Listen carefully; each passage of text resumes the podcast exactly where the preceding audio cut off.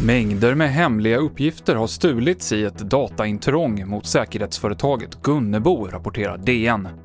Enligt tidningen så har sedan filerna laddats upp på nätet. Det handlar bland annat om ritningar som visar larmsystem och övervakningskameror på ett av SEBs bankkontor och sekretessbelagda detaljer om skalskyddet i riksdagen.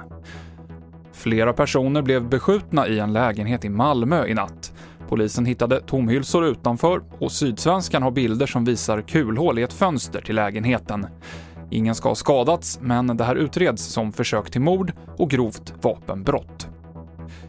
Och i över tio italienska städer har det varit våldsamma gatuprotester under kvällen och natten mot nya coronarestriktioner som bland annat innebär att restauranger, barer och biografer måste hålla kvällstängt. I Turin så fick polisen använda tårgas för att skingra demonstranterna. Över en halv miljon italienare har smittats med coronaviruset. TV4-nyheterna med Mikael Klintevall.